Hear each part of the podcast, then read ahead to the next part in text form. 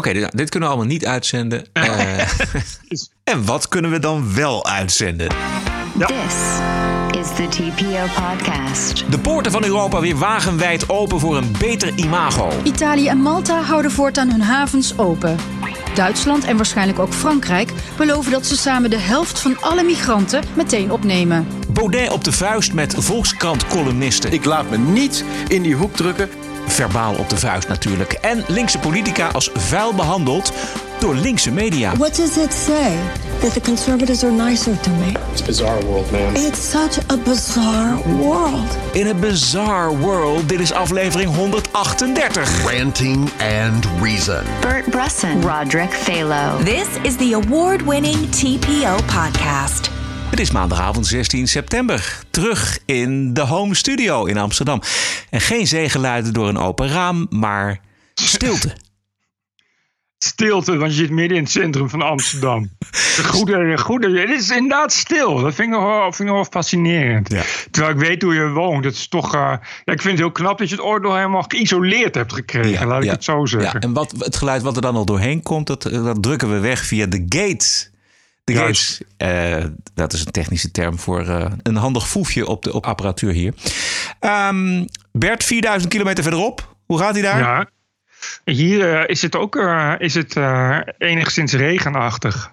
Oh. Wel kapot benauwd, dus het is gewoon 26 graden, maar wel bewolkt en regenachtig. Het regenseizoen is begonnen. Dat is na 10 maanden eindelijk weer eens een beetje, een beetje vocht in de lucht. Ja.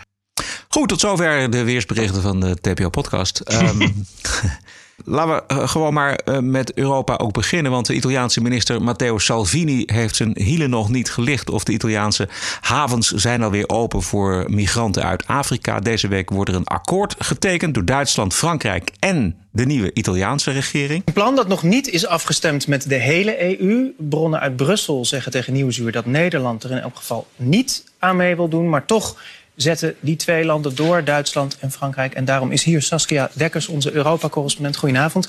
Saskia, ehm, dit kon heel lang niet in Italië. Eh, de havens gingen dicht. Waarom deze verandering? Het is eigenlijk een noodgreep van deze regering. Ze zaten voor een dilemma. Aan de ene kant wisten ze eh, dat eh, de havens sluiten, wat voor de vorige regering is gedaan, dat heel veel Italianen daarachter stonden. En het werkte ook, want er kwamen nog geen 6000 migranten aan. Heel weinig. Aan de andere kant wilde deze regering een veel humaner migratiebeleid. En dan zeker geen NGO-schepen voor de kust zwervend met beelden van huilende moeders en kinderen dramatische beelden, dat zou slecht voor het imago zijn. Dus dat ze nu die steun krijgen van Europese landen die zeggen... wij nemen vrijwel al die migranten op. Nu kunnen ze wel eens besluiten van we, openen deze havens. Ja, even een paar dingen. Eh, Dus helemaal niks overeenstemming, niks solidariteit, geen Europese aanpak. Duitsland en Frankrijk die drukken dat gewoon door. Eh, we Ja. horen ook zo waarom. En havens sluiten werk dus. Dat horen we eh Saskia Ja, Dekkers ook eh, zeggen. Maar een humaner imago is natuurlijk nog veel belangrijker. Ja, en dat is zo ook voor een deel bullshit. Want waar het vooral om gaat, is natuurlijk om Salvini dwars te zitten. Juist. Ik ben heel benieuwd wat, wat we nu gaan horen over Frankrijk en Duitsland. Maar Frank, of in elk geval Duitsland en Merkel kennen, is eh, het eh, humane beleid vooral eh, snoeiharde politiek. En eh, als je daar inderdaad eh, eh, iemand als Salvini mee, eh, mee, kan, mee kan treiteren, zal, dat, zal, dat zeker, eh, zal Merkel dat zeker niet naast zich neerleggen. Nee, komt-ie. Italië en Malta houden voortaan hun havens open. Duitsland en waarschijnlijk ook Frankrijk beloven dat ze samen de helft van alle migranten, dus vluchtelingen en economische migranten, meteen opnemen. Dus die havens die zijn weer open, omdat Duitsland en Frankrijk ze opnemen. Waarom doen die landen dat nu? Ze hebben eigenlijk maar één doel voor ogen en dat is Matteo Salvini te blokkeren, hem niet aan de macht te krijgen. Want hoe moeilijker deze regering het krijgt en eh, mi- migratie blijft een heel belangrijk thema voor de Italianen. Hoe moeilijker deze regering het krijgt, hoe meer kans er is op nieuwe verkiezingen, hoe meer kans er zal zijn om een premier Salvini te krijgen. En dat willen Frankrijk en Duitsland kost voor kost voorkomen, een eurosceptische premier in de Europese Unie. Ja, dus alleen om dat te voorkomen zijn zij eh, willens eh, om ook economische migranten uit Afrika op te nemen. Ja, want dat zal wel een grote zorg worden voor Frankrijk en Duitsland. Want als je deze berichten nu hoort, NGO-schepen zullen weer makkelijker naar Italië gaan om mensen af te zetten. En dit nieuws zal natuurlijk ook in een land als Libië, maar ook Tunesië bekend worden. En als mensen horen dat ze zo makkelijker naar Frankrijk en Duitsland kunnen doorreizen, dan zal dat toch stimuleren. Ja, Aanzuigende werking, we weten het. Nog Ja. meer kansloze illegale immigranten. En eh, dat kunnen er best eens een heleboel worden. Uh, Weer Schaffendas deel 2, uh, zul je zeggen. Vreselijk. Ehm, Dit is echt, echt een, een zieke, cynische politiek. onvoorstelbaar Over- cynische machtspolitiek. over de ruggen van die mensen. Dat, dat is gewoon, gewoon je, je land openzetten voor, voor, voor asielzoekers. En hopen dat je met, met nog meer van dat soort beelden lekker kan scoren. En alleen maar omdat anders eh, Salvini misschien aan de macht komt. Terwijl Salvini natuurlijk gewoon. Eh, ja, door het volk gekozen is. Dus je kan dat, je kan dat zo lang mogelijk rekken en volhouden. Hoe langer, en, en hoe langer je dat doet, hoe meer Salvini's je krijgt. En hoe groter de Salvini's worden die uiteindelijk alsnog aan de macht gaan komen. Ehm, m- misschien heb je dat gezien, het gesprek met, eh, met Paul Scheffer, wat ik gevoerd heb voor RTL Ja. toen. En die, Ja. die is nog wel heel erg van Europese politici gaan het uiteindelijk inzien. Maar Ja. dit, dit zijn dan weer drie, vier stappen achteruit. En dan denk ik ook, eh Scheffer, ehm, dat gaan ze helemaal niet inzien. Want het cynisme en de machtspolitiek, die bepalen eigenlijk alles. Dit, dit, dit gaat ten koste van welk Europees draagvlak voor vluchtelingen dan ook. En ten koste van, van, van nieuwe mensenlevens. Dit is Het is echt heel echt vies. een smerige, smerige politiek Precies. spel. Nou ja, ik, ik, je zei net alweer Schaffendas 2, en dat is het. Wat, wat, wat dit gaat opleveren is, is precies hetzelfde als destijds eh, Angela Merkel heet iedereen welkom. Nu is het Italië heet, heet iedereen welkom. Eh, wat, wat echt onbegrijpelijk is als je al, al Salvini eh, aan de macht hebt gehad. Hè? Als je al, al op het randje Salvini als nieuwe premier hebt gehad. Als je al weet hoe groot de groep Italianen is die dat allemaal niet willen. Dit is, bedoel, dit is wel echt, echt toch wel, eh, ja, ik vrees toch wel een beetje een lont in een kruidvat straks. Zeker, maar- Ik en- weet maar- niet hoe, maar dat- hoe het gaat aflopen. En ik weet ook niet, ja, het is toch waarschijnlijk toch iets anders dan, dan dat het was via. Eh, eh, f- f- nou ja, hoewel, ja, het is gewoon hetzelfde, weet je. Volgens mij gaan al die, volgens mij stroomt gewoon iedereen nu naar Libië, waar, waar nu de mensen smokkelaars al eh, zichzelf al rijk rekenen. Dat ook, precies. En, eh, we krijgen, gaan gewoon weer precies hetzelfde zien. Nu is het niet Griekenland, maar Italië. En, eh, eh, maar in Zuid-Italië, het was al zo'n probleem. ja. En wa- wat we, ik weet Saskia Dekkers ook, waarom doet Frankrijk dit? Want kijk, eh, eh, eh, Merkel is, is wel vrij duidelijk wat haar, eh, wat haar eh, politiek is. Maar ik begrijp niet hoe, ze, hoe Frankrijk eh, hier in dit systeem Nou, terecht is Frankrijk, gekomen. Frankrijk is de grote vijand van Salvini. En, en andersom, weet je wel. Dus die wil ten koste van Ja. alles dat Salvini niet meer aan de Ah, macht komt. Ik denk dat de aanhang in Italië voor Salvini alleen maar zal groeien. Maar dat geldt Ja. ook voor natuurlijk eh, de populistische partijen in Frankrijk en in Duitsland. Ik ik ben eigenlijk met stomheid geslagen. Ik zag het bericht volgens Ja. mij gisteravond laat. Ik begrijp niet dat dat de politici zo dom zijn. Want ze ondergraven daarmee natuurlijk ook hun eigen eh, kansen op herverkiezing. Want de Front Nationaal wordt alleen maar groter. eh, AFD Ja. wordt groter. eh, En alle populistische partijen worden groter. En Salvini zal groter worden in de peilingen in Italië. Nee, ja, de, de kloof wordt ook alleen maar groter. Ja. En, De onrust en wordt groter in Europa. Het is onbegrijpelijk inderdaad. Het is echt een ontzettend, ontzettend domme en onnadenkende move. Die, en ik snap niet, eh, eh, heeft Europa hier iets over te zeggen? Want het moest toch via een eerlijke Europese verdeelsleutel? Nee, die, geloof, dat, ja, die verdeelsleutel ligt natuurlijk al lang eh, op zijn gat. Want Oost-Europa doet niet ah, mee. Maar eh, Nee. het is wel waar wat jij zegt. Dat ehm, dit natuurlijk in Europees verband zou moeten. Want we, we zitten in Europa allemaal met de gevolgen daarvan. Als Ja. die Italiaanse havens en de havens in Malta weer, eh, weer open gaan. En die Afrikaanse migranten deze kant op komen. Want die, die hou je niet tegen bij de grens. En als ze, die, die kunnen ook gewoon in Nederland terechtkomen. Maar er is geen overleg. Dus er is Frankrijk en er is Duitsland. En er is een nieuwe Italiaanse regering. En die spelen onder één hoedje. En die doen het. Ja, het is, het is verbijsterend. Ik vind het echt, maar het, het is niet, niet een grote verrassing. Dit is hoe het gaat. Dit is ook hoe het in, in, de, in de toekomende tijd ook zal gaan. Je, in, in Duitsland gaat het net zo.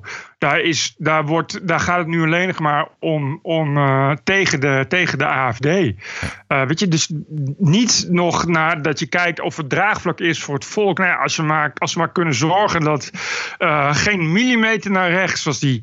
Zoals die Duitse Ja. popzanger. Heb je dat gezien? Ja, Ik heb het ja. fragment- Ik heb twee prachtige liedjes gemaakt. Vloekzeugen in Bauch. Dat vond ik een prachtig mooi nummer.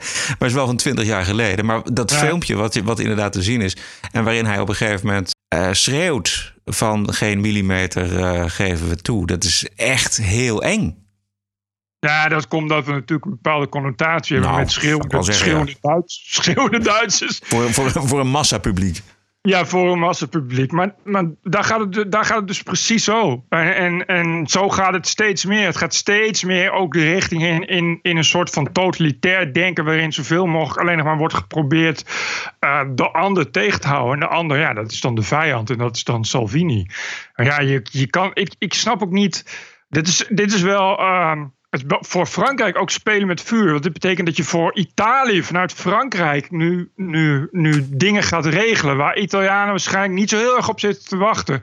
En ik vermoed dat Italianen hier niet eh, positief ten opzichte van Europa komen te staan. Helemaal niet ten opzichte van Frankrijk. Dus dat gaat best wel ver. Nee. Bovendien is het zo dat eh, je, je krijgt natuurlijk heel veel mensen deze kant op, Afrikaanse immigranten. Maar ook die moeten allemaal door de molen. Daar moet allemaal worden gekeken. Mag je eh, hier blijven? Heb je recht op asiel, ja of nee? Eh, zo niet, dan moeten die mensen weer terug. Dat gaat niet, dat weten we in Europa, dat gaat niet. Dus je krijgt weer een heel nieuw leger aan illegalen... die, Ja. die, die in de straten en in de metro's en in de parken slapen. Wat wil Europa nou? Inderdaad deugen. Want dat is natuurlijk onderdeel. Want, dit- want volgens mij in Italië is, is, is Sociaaldemocraten met, eh, met, met, die, met die partij van de vijf sterren, toch? Ja. Dus, dus dat ik bedoel, het is natuurlijk ook partijideologie. Ehm, maar ik, de, de problemen in het zuiden van Italië met migranten waren erg groot. En ook niet klein. Dat, het punt is een beetje dat we dat in Nederland heel slecht meekrijgen. Omdat dat, ja, Ja. Er wordt nou helemaal niet zo heel veel over bericht. Maar dat, die Salvini komt niet uit het niks, zal ik maar zeggen. Het, was, het is echt, je hebt daar al echt inderdaad no-go-zones vol migranten. En, en inderdaad georganiseerde zware criminaliteit die alleen maar uit migranten bestaat. Ja. Bij Nieuwsuur en hadden ze het over 500.000 illegale eh, Afrikaanse immigranten. Dus dat zijn een half miljoen mensen die daar 500.000 rondzwerven. illegalen. 500.000. Die allemaal rondzwerven op een klein, in een klein gebied. Ja. Weet je, en het is natuurlijk to- totale chaos. En die wordt dus alleen maar groter. Ja, het is, ja ik kan er niks anders van zeggen dan, dan dat het echt vraag is om, om de meest grote problemen op deze manier. Ja. Dus die berichten die wij hier eh, krijgen over de mogelijkheden... en dat die Italiaanse en Maltese havens weer open gaan... dat zijn berichten die komen ook op de telefoons, de mobiele telefoons in Afrika. Dus die aanzuigende werking, dat werkt gewoon zo. Ja, nee, dat is al bekend dat het zo Ja. werkt.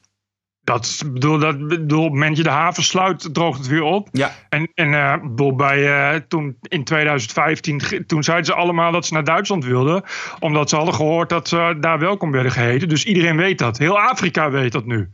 Bedoel, Daar, is geen, daar hoef je verder geen illusies over te maken. Die, bovendien is het zo dat daar inderdaad dat daar ook echt eh, mensen toe worden opgezet. Want die mensensmokkelaars, die willen dat ook. Dus die vertellen iedereen zoveel mogelijk van ja, je, kan gewoon, je moet naar Italië. Ja. Je moet naar Europa. Dat is, Daar heet ze nu welkom. Hier, kijk maar. Weet je, inderdaad, pure verspreiding van al dan niet gedeeltelijk nepnieuws. Als het maar, als het maar in beweging blijft. Ja. Dus daar hoef je geen enkele illu- illusie over te maken. Het gaan er heel veel worden. Er gaan er heel veel eh, ook nog dood. Dus we gaan weer een heel groot.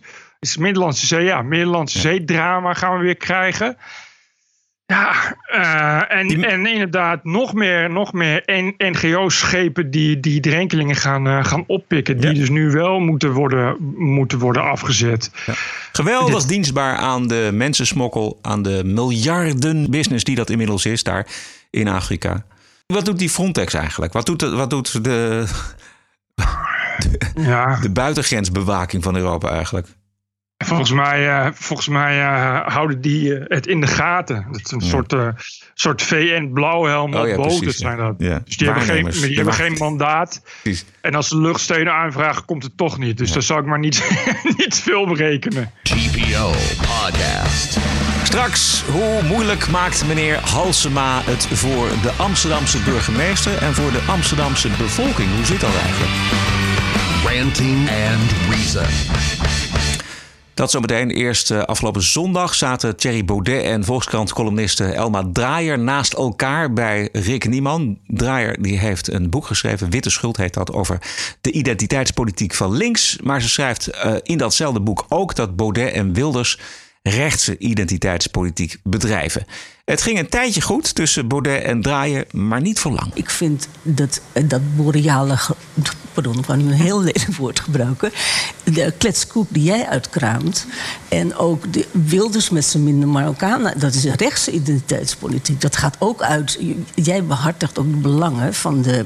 Eh, de iets eh, hoger opgeleide witte medemens hier Ja, in dat, ben Nederland. ik, dat is, dat is en, niet waar. En dat doet eh, eh, Wilders met, eh, met Henk en Ingrid, zou ik maar zeggen. En dat is rechtse identiteitspolitiek. Ja, ik ben het daar totaal niet mee eens.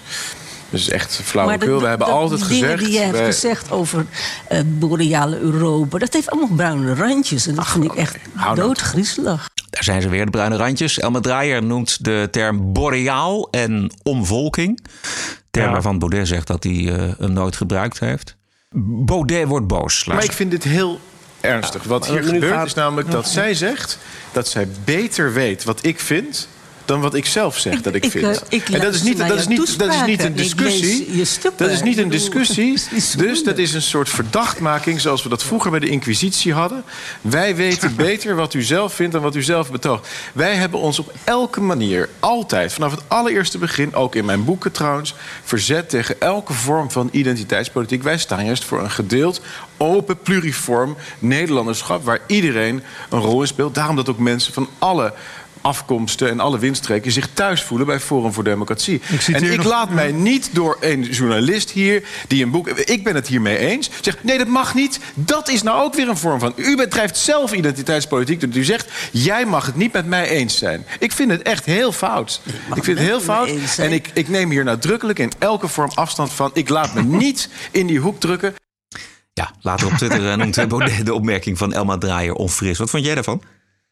Ja, ik, ik, vind, ik, eh, ik- vind ook, kijk, dat, dat draaien eh, eh, beg- over bruine randjes begint. Dat is ook weer, ook weer een beetje. Maar ik, ik ben een beetje. Baudet wordt boosmoe. Weet je, hij, het lijkt wel alsof hij wel, wel heel erg gespannen is. En, eh, en nu als een kleuter meteen om zich heen begint te mappen. Terwijl, eh, kijk, Elmar Draaien is.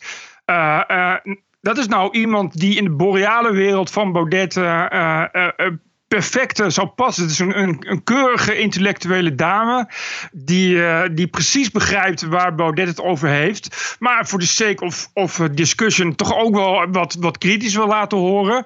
En dan kan Baudet ook zeggen van ja, maar ja, natuurlijk bedrijf ik ook wel eens identiteitspolitiek. Want ja, zo gaat het nou eenmaal in de politiek. Helemaal aan de kant waar ik zit. eh, en weet ik veel wat. En hij slaat zo door. Dat je, kijk, als je dus de hele tijd zo gedraagt. Eh, zeker, je- wat ik zeg, eh, zeker bij, bij, bij een keurig, keurige intellectuele, eh, bijna truttige mevrouw als Elmar Draaier in een verder keurig rechtsgezind programma op zondagmorgen. Wa- Wat moet je dan in de politiek straks? Wat er gebeurt, is dat de tegenstanders van Baudet hem steeds meer gaan treiteren. Ze proberen hem steeds verder uit de tent te lokken. En dat lukt ze. En dat, dat, dat moet niet zo zijn. Dit is, dit is de manier waarop je uiteindelijk weer vroeg een einde gaat maken aan je hele politieke spel. Eh, als, als het al bij Elmar Draai lukt, hoe moet het dan straks eh, in de Kamer? Want dan gaat het precies hetzelfde. Gaat, Ja. hij, is, hij, wordt, hij maakt het er zo persoonlijk van. En dan krijg je meteen een verhaal over inquisitie. En ik laat me dit niet zeggen. En gif dit. En, en smerig dat. Je denkt van, pff, Jude. Zeg dan gewoon, zeg gewoon nee, ja, daar, daar, daar ben ik het niet mee eens. Maar eh, het boek wat je hebt geschreven, daar, daar kan ik me wel in vinden. En volgens Ja. mij kun je ook heel veel vinden in wat ik vind. Volgens mij, want als je dat hele interview bekijkt, eh, die Elma probeert ook nog, ook nog op een gegeven moment nog een beetje, beetje luchtig te houden. Door, door daar een grapje van te maken. Zeg, nou, ik ben blij dat je me nog, dat je me nog mevrouw Draaien noemt. Weet je wel, hij had daar uiteindelijk zo weer met haar kunnen weglopen. Maar hij ontploft gewoon. Eh, Ik denk, ik, ben het, eh, ik, ben, ik begrijp de boosheid van eh, Baudet eh, wel een beetje. Want het, het is natuurlijk, hij kan in geen programma komen of eh, de bruine randjes komen er wel aan. Dus ik begrijp Ja. het wel. Maar ik, ik ben het met je eens dat het volstrekt onhandig is om zo begrijp boos te zijn. En over migratie zijn er best een paar stevige opmerkingen te maken. Die in progressieve kring ontkend worden. Hè? Over, de, over de aantallen in Nederland, in Frankrijk, in Duitsland, in Zweden. Wat er de afgelopen 30 jaar allemaal gebeurd is met, met oude wijken in westerse landen. En er zijn bovendien natuurlijk een, een paar hele verstandige mensen, zoals de Dalai Lama. En onlangs nog de overleden Hongaarse schrijver eh, Konrad. Die zeggen dat de Europese waarden onder druk staan door de grote hoeveelheid migranten die Precies. vanuit het Midden-Oosten en vanuit Afrika nu eh, naar Europa trekken, legaal of illegaal. Dus, de- dus hij had misschien dat moeten zeggen. Ja, nee, maar dat bedoel ik. Je, je kan, ik bedoel, hij heeft, hij heeft voldoende dingen ook om dat te onderbouwen. Om te zeggen van, nou ja, eh, eh, over Boreaal, daar hoef je niet... Maar dat is, weet je, dat is natuurlijk ook, ook een, een plaagstoot... Waar je, waar je op een gegeven moment ook wel een keer overheen moet groeien. Ja. Natuurlijk gaat, gaat iedereen tot in de komende 300 jaar eh, zeggen eh, eh, boreaal roepen als Thierry Baudet ziet. Maar kijk, als je dan beschuldigd wordt van identiteitspolitiek, dan, dan kun je dat makkelijk pareren door te zeggen: oké, je kan dat identiteitspolitiek vinden, maar hoe, hoe vind je? En hè, wat je zegt, daar valt toch een hoop te zeggen over, over de linkse identiteitspolitiek waar dingen niet benoemd worden. Dus nou, dan moet ik als, als rechtse partij wil ik dat dan wel benoemen. Dan kun je dat wel identiteitspolitiek. Ja, ik hoef het niet in te vullen voor, voor Baudet, maar als zelfs wij het kunnen invullen, moet hij dat toch zelf ook kunnen. Maar ja, als hij nu, zo- nu al zo snel zijn cool verliest, ja, hoe moet dat dan straks? Weet je, Ah, in, eh, hoe moet dat dan verder in de politiek? Misschien, eh, ja, ik, ik, ik, ik heb daar eh, begin al steeds harder hoofd in te krijgen. Hij moet daar, ik, ik word een beetje. Ja, ik, ik vind het een goede partij. En ik vind het heel goed en verfrissend dat er, dat, er zoiets is. En, eh, en ik vind die uitgangspunten oké. maar het, wordt ook af en toe wel een beetje vermoeiend uh, baudetterig allemaal. Ja. En daar moet hij misschien eens een stukje van terugtreden. Hij moet ze ook ophouden met, met, met onzin te twitteren. eh, en zichzelf tentoon te stellen. Of zijn, of zijn vriendin op Twitter en Instagram. En gewoon eens een keer politicus worden. En dan, dan, moet, je, en dan moet je dus gaan kiezen. Of ik, ga, of ik ga door met, met nou, de, de, de mannetjes maken die ik ben. En dat kan ook, dat kun, je, dat kun je ook doen. Of ik ga serieus die politiek in. Maar dan moet je wel leren om daar dan, om daar dan mee om te gaan. Doe, Ik, la- ja. ik, ik, ik las op Facebook dat je boos gemaakt hebt over Forum. Maar je hebt nog geen, net zoals Harry Mens, nog geen afstand genomen van Forum. Nee, sowieso op Facebook is het altijd leuk trollen.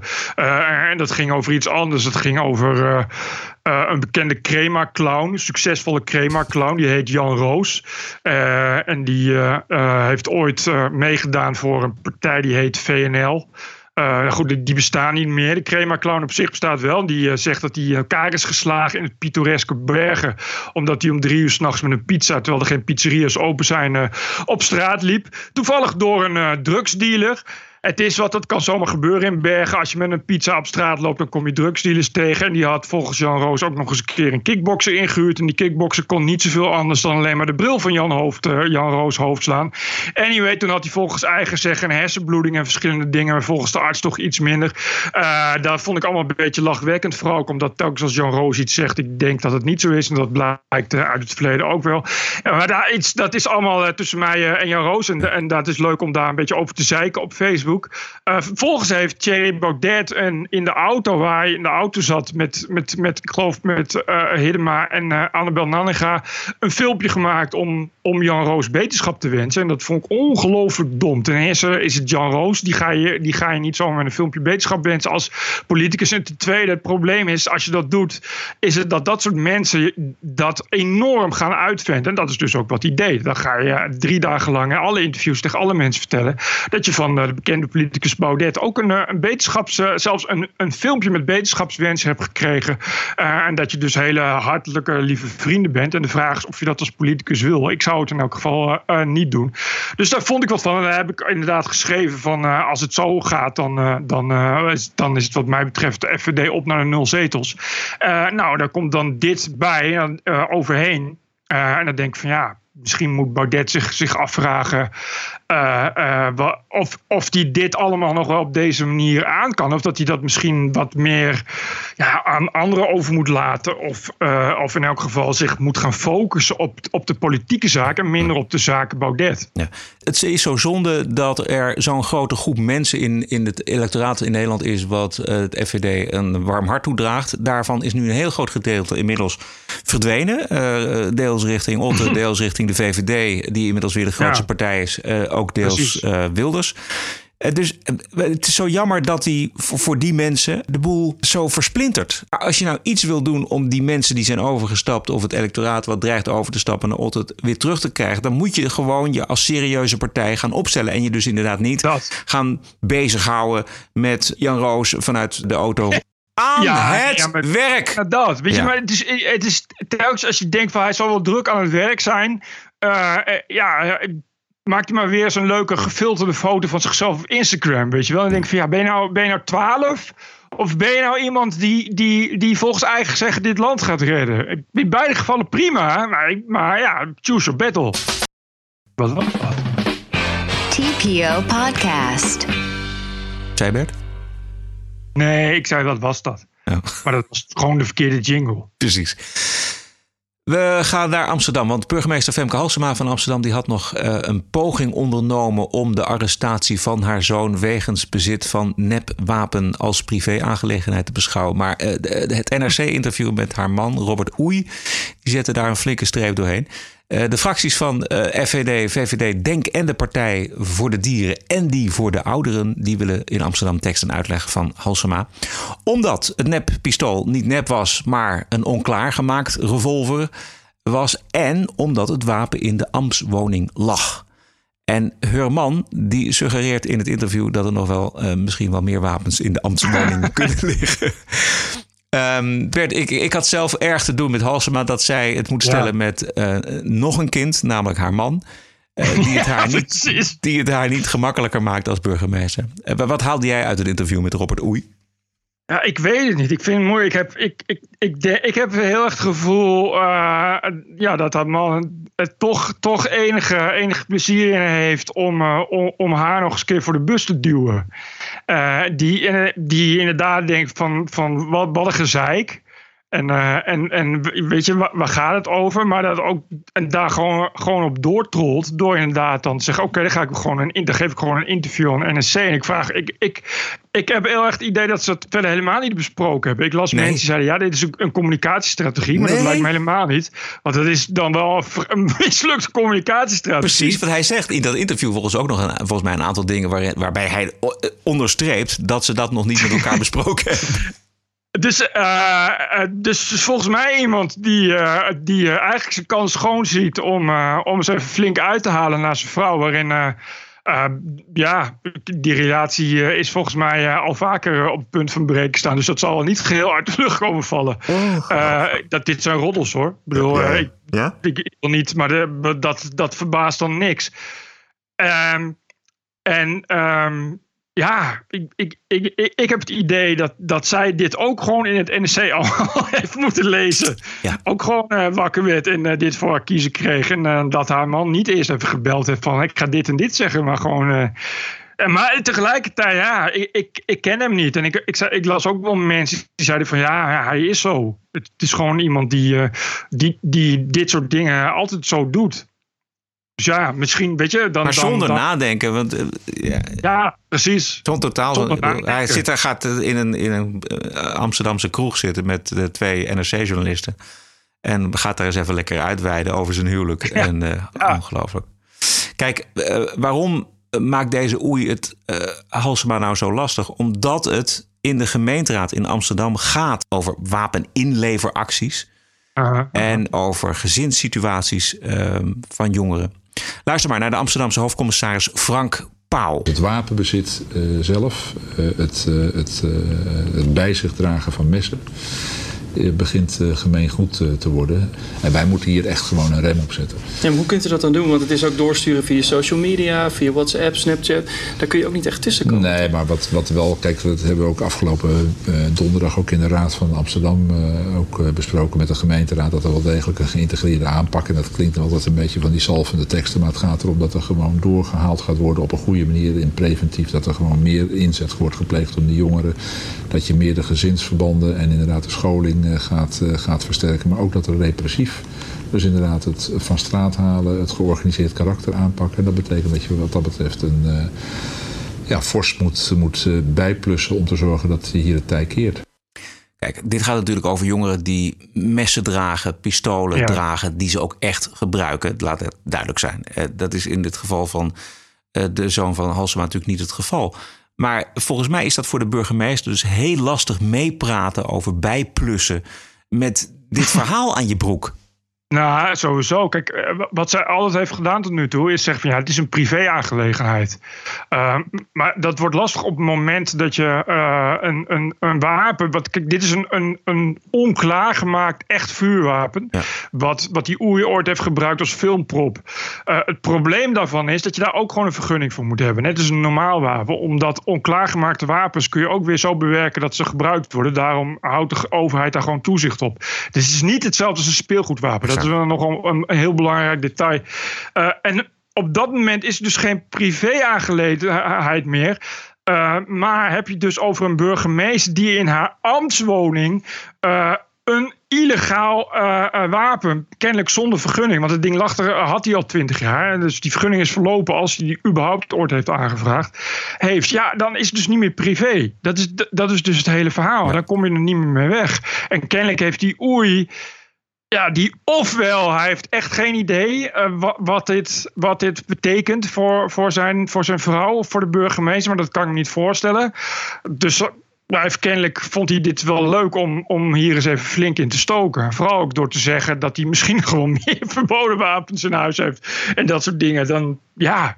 en, en de burgemeester Halsema kan nu niet meer zeggen van ja, maar dit is allemaal privé. Want ja, uh, uh, een burgemeester met een, met, een, met een verboden wapen in huis. Ja.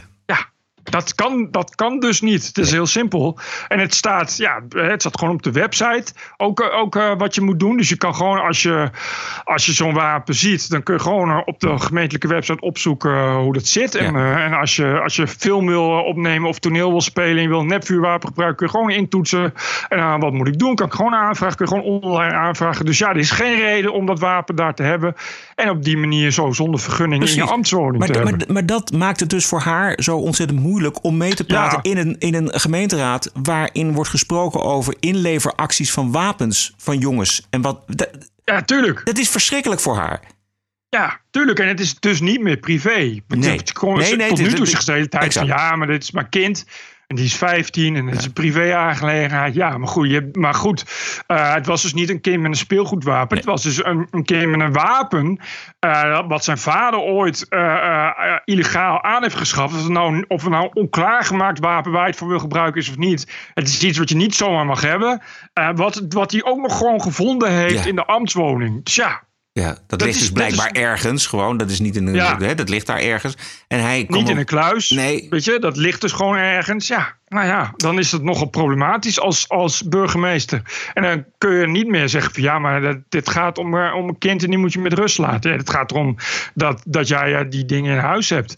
Uh, ja, en nogmaals, ik, ik, ik heb heel erg het idee dat dat, dat die oei het allemaal wel prachtig vindt om het op deze manier zo uit te vinden. Maar dan, heb je toch geen, die... dan, ben je toch, dan ben je toch geen knip voor de neus waard. Heeft je, heeft je vrouw zo'n zware baan? Ja, ik, dan flik ik, je dit gewoon. Dat is, dat is, nou. Ik heb niet het idee dat het een heel goed huwelijk is. Hmm. Uh, ik heb zelfs uh, tot voor kort had ik het had ik, leefde ik in de veronderstelling dat ze uit elkaar waren. Dat, dus, dus wat, maar goed, ik kan het allemaal niet. Dan moeten mensen zelf maar even googlen. Er is in elk geval meer gebeurd in, uh, in hun huwelijken, wat wel de media heeft bereikt. Dus, maar, maar dan nog. Wat vind jij van het, van het verwijt dat bijvoorbeeld de Telegraaf nu krijgt dat ze iedere mogelijkheid aangrijpen om um, Halsema verder uh, de grond in te trappen? Ja, nou dat klopt. Maar ja, dat is de Telegraaf. Ik bedoel, ja. ja, het is een GroenLinks burgemeester van Amsterdam. Die, die uh, van Amsterdam een soort, soort, soort pretpark maakt. Met alles waar de gemiddelde telegraaf lezen van, van gruwelt. Ja. Dan, nee, maar ik bedoel, wij maken ons wel eens druk over andere uh, kranten, Volkskrant, uh, NRC Handelsblad, die campagnejournalistiek bedrijven. de Telegraaf staat erom bekend natuurlijk. Die doen het op deze manier nu met Halsema. Precies. Ja, ja ik, ik, kijk, ik, ik, kijk uh, uh, als je het bedoel, je kan moeilijk kwaliteitsjournalistiek noemen. Ik vind het allemaal prachtig. Het is natuurlijk gewoon tabloidjournalistiek, waar we wat mij betreft te weinig van hebben in Nederland. Maar uh, ik denk niet dat er veel telegraaflezers zijn die de Telegraaf dat kwalijk nemen. Dit is waarom je de Telegraaf neemt. En, en, en de, of dat nou gaat om, om, het v, om de VVD in het zadel te helpen, of, of, uh, of de filerijden te mobiliseren, uh, of, of, of, om, of om een GroenLinks burgemeester omver te duwen.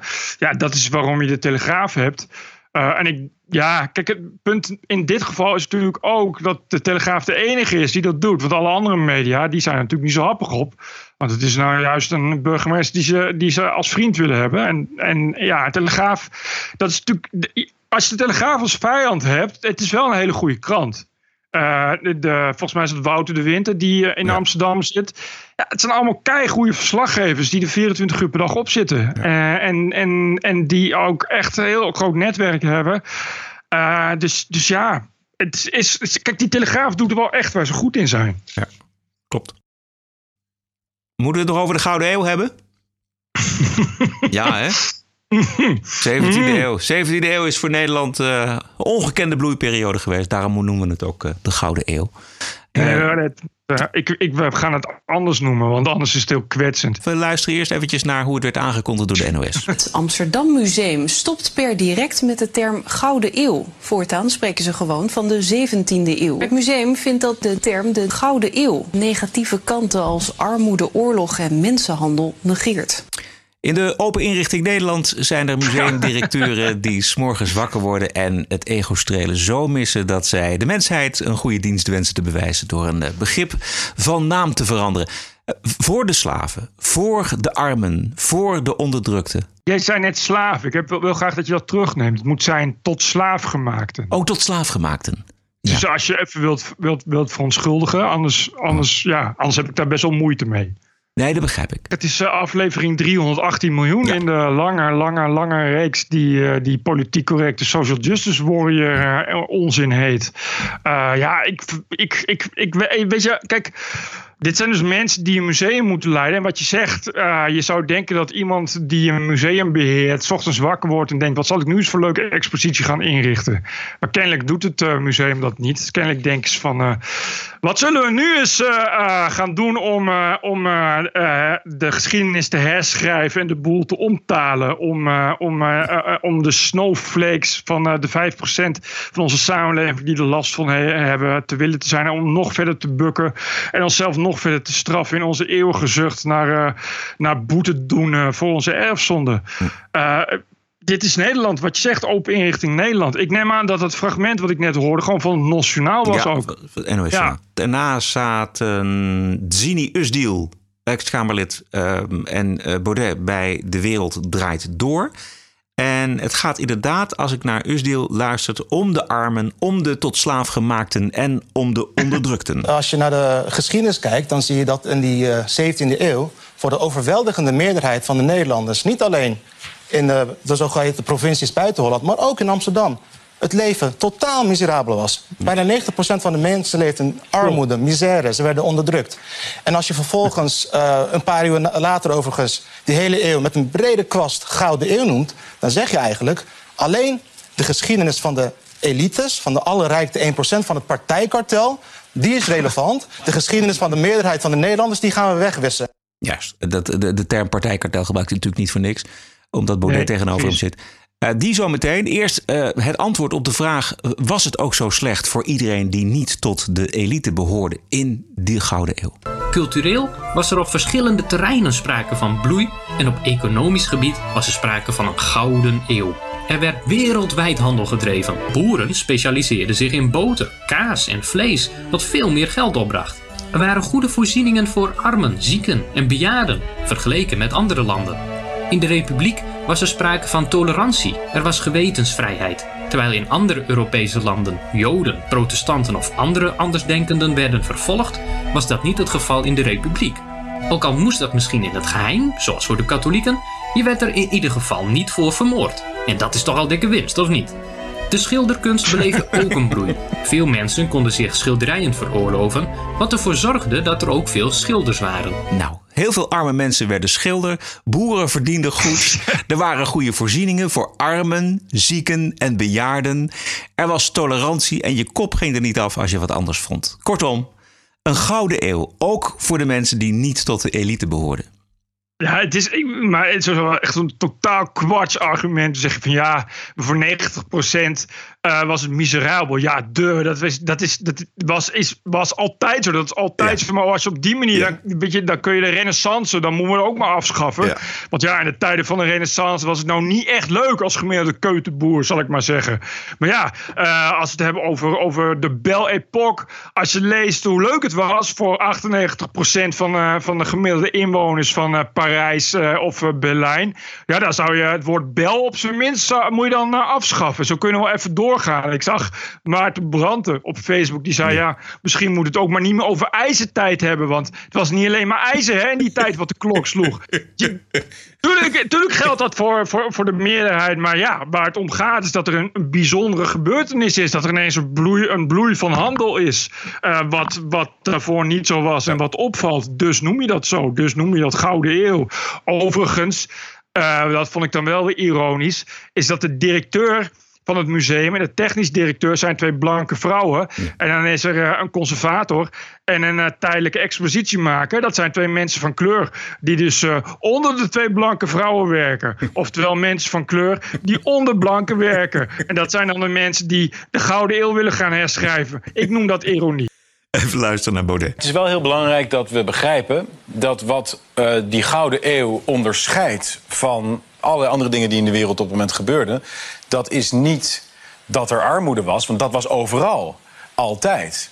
Dat is juist dat wij de aandelenbeurs uitvonden. Dat we, uh, wat nu het Koninklijk Paleis op de Dam is, dat was toen het stadhuis. Het was het grootste gebouw ter wereld, het hoogste gebouw ter wereld. Het gaat ook om de naam. Hè? De Gouden Eeuw is misschien Jawel. niet de beste titel voor de 17e. Ja, nee, maar- Dat is wat nu de, de vraag op tafel Kijk, maar je kunt dus eh, in de hele wereldgeschiedenis en ook nu nog steeds overal in de wereld genoeg voorbeelden vinden van ellende. Dat is echt niet moeilijk. Eh, je, hoeft bij wijze van spreken hier maar de hoek om te lopen en je komt schrijnende voorbeelden en verhalen tegen.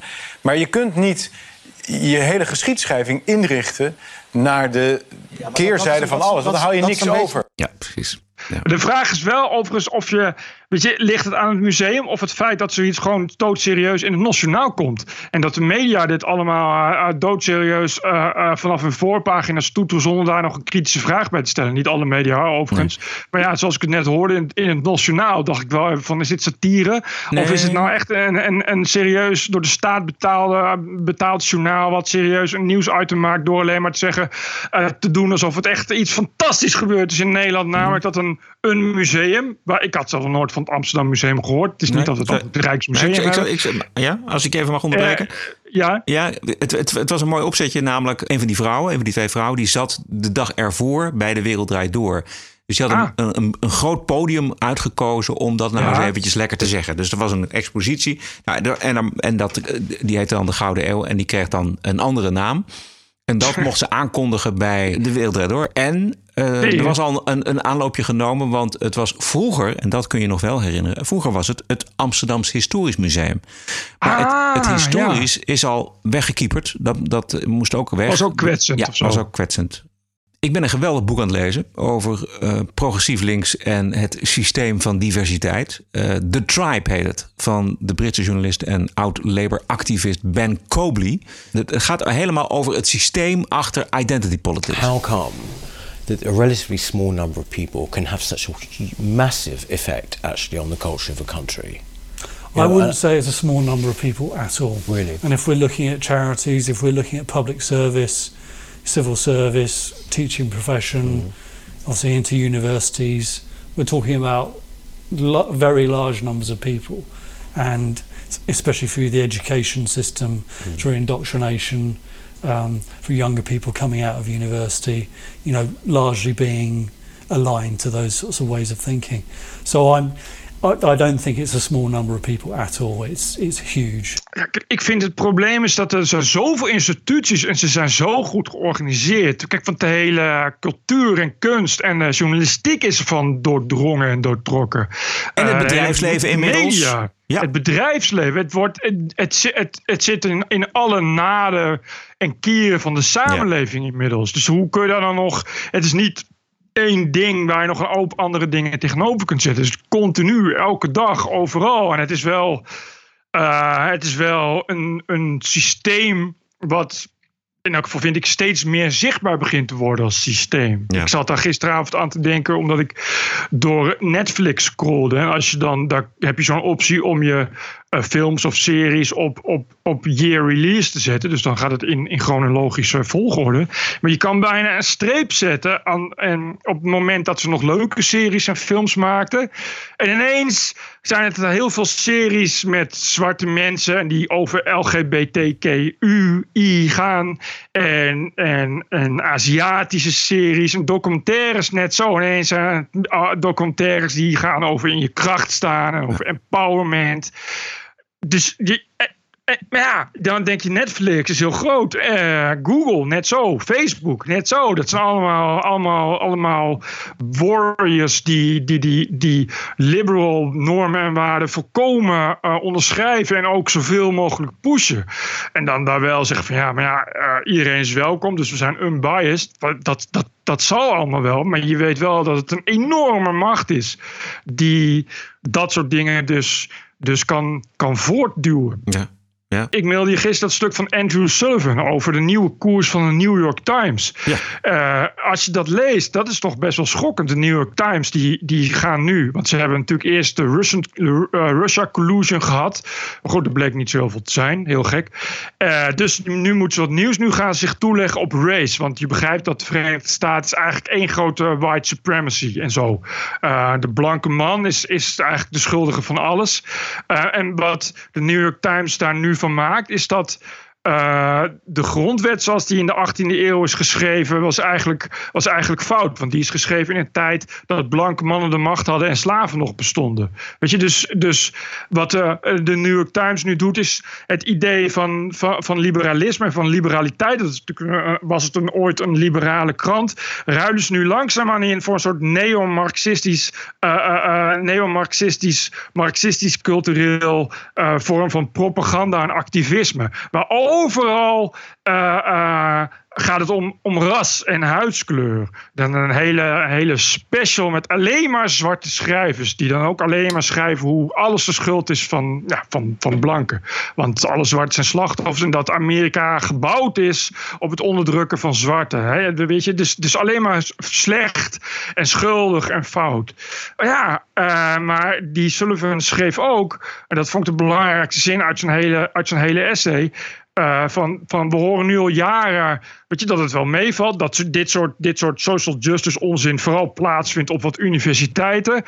Maar als een krant als de New York Times er al zo in staat en er al zo mee bezig gaat. Dan weet je dat het veel verder is dan alleen maar die campussen en alleen maar de millennials. Ik bedoel, de New York Times is een toonaangevend ja toonaangevend, wat je er ook van vindt, maar toonaangevend ding in de wereld van de journalistiek en media. Als die besluiten nu om, ja, om, om eigenlijk vanuit een soort social justice warriors bril uh, ook niet meer de Gouden Eeuw de Gouden Eeuw te noemen. Ja, dan kun je afvragen. Uh, hoe het met de rest staat. Ja. De rest volgt. Ja. De rest, de, bedoel, de Nederlandse media, die gaan elkaar al een week op Twitter feliciteren. als op pagina 36 van de New York Times het woord Nederland voorkomt. Ja, dus dan weet je wel wat het parool volgende week zaterdag uh, in de zaterdageditie heeft. Namelijk dat Amsterdam inderdaad geen gouden eeuw had en dat het allemaal gebouwd is. Weet je. Ja, dus, dus die, die, die, discussies gaan plaatsvinden op redacties van kranten. Gaan we de gouden eeuw nog de Juist. gouden eeuw noemen?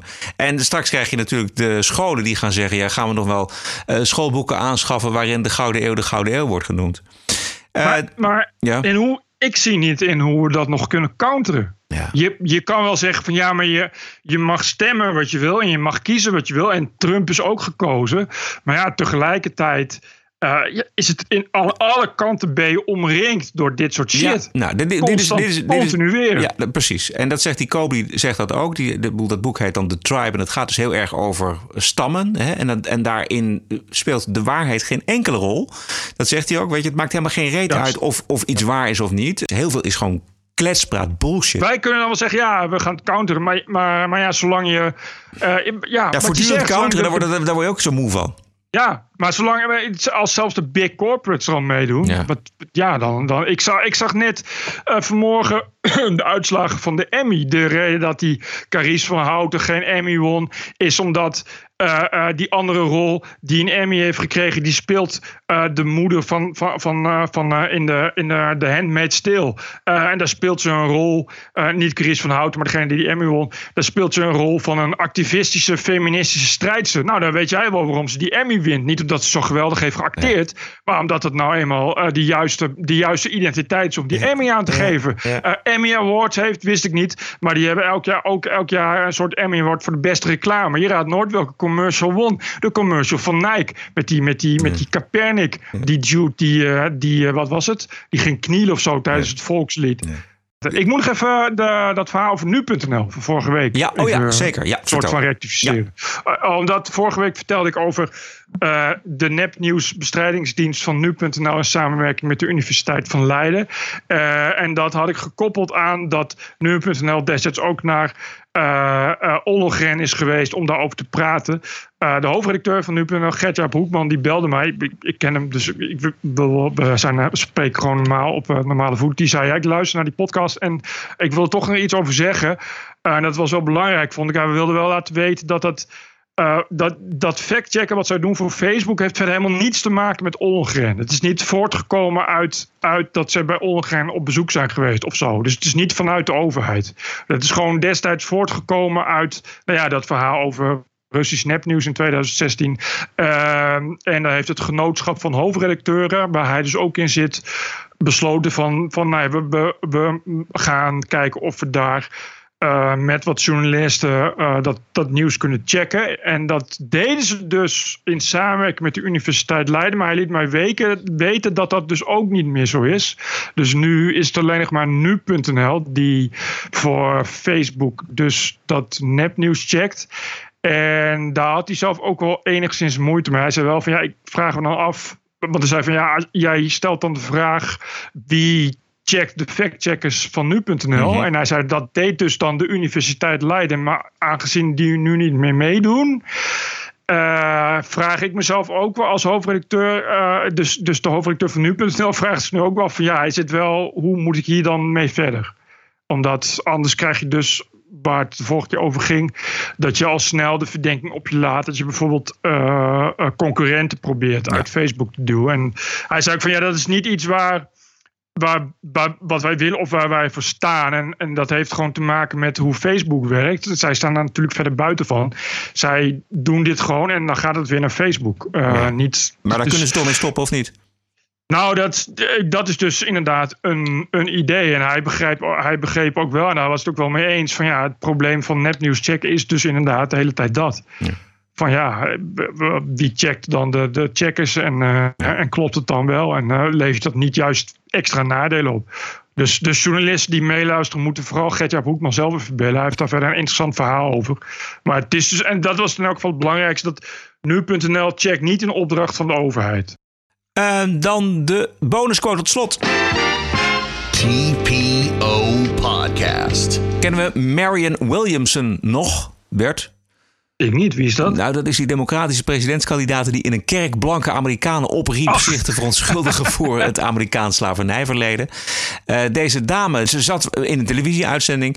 Eh, er was een break, een commercial break. En die was al afgelopen. Toen ging de camera weer aan. Ze had dat niet in de gaten.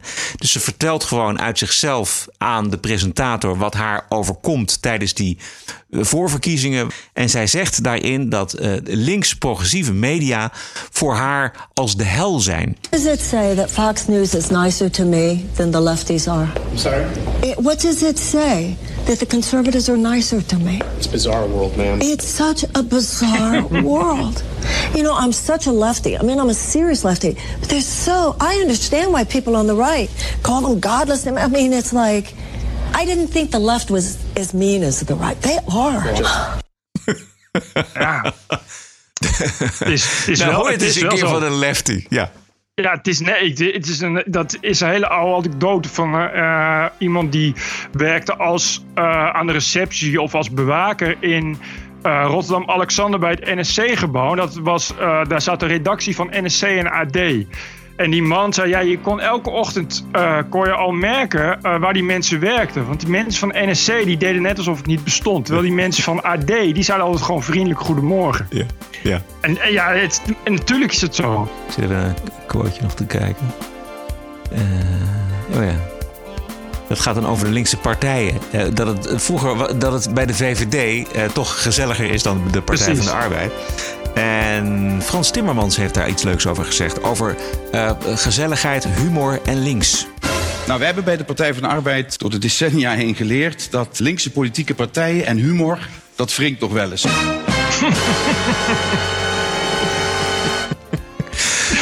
Juist. Ja, Juist, dat ja. dus. Dat, dus. Precies. Goed, tot zover aflevering 138. Vindt u dit eh, leuk geluid of een belangrijk geluid? Steun ons dan. Waarderen en doneren kan op tpo.nl slash podcast. We zijn dinsdag de 24e terug, Bert. 24 september.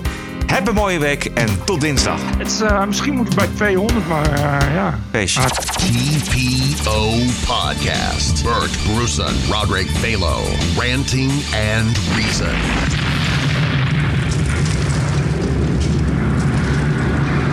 Such a bizarre world. Podcasting is the TPO podcast in the Netherlands. Bert and Roderick. What a show. I'm telling you.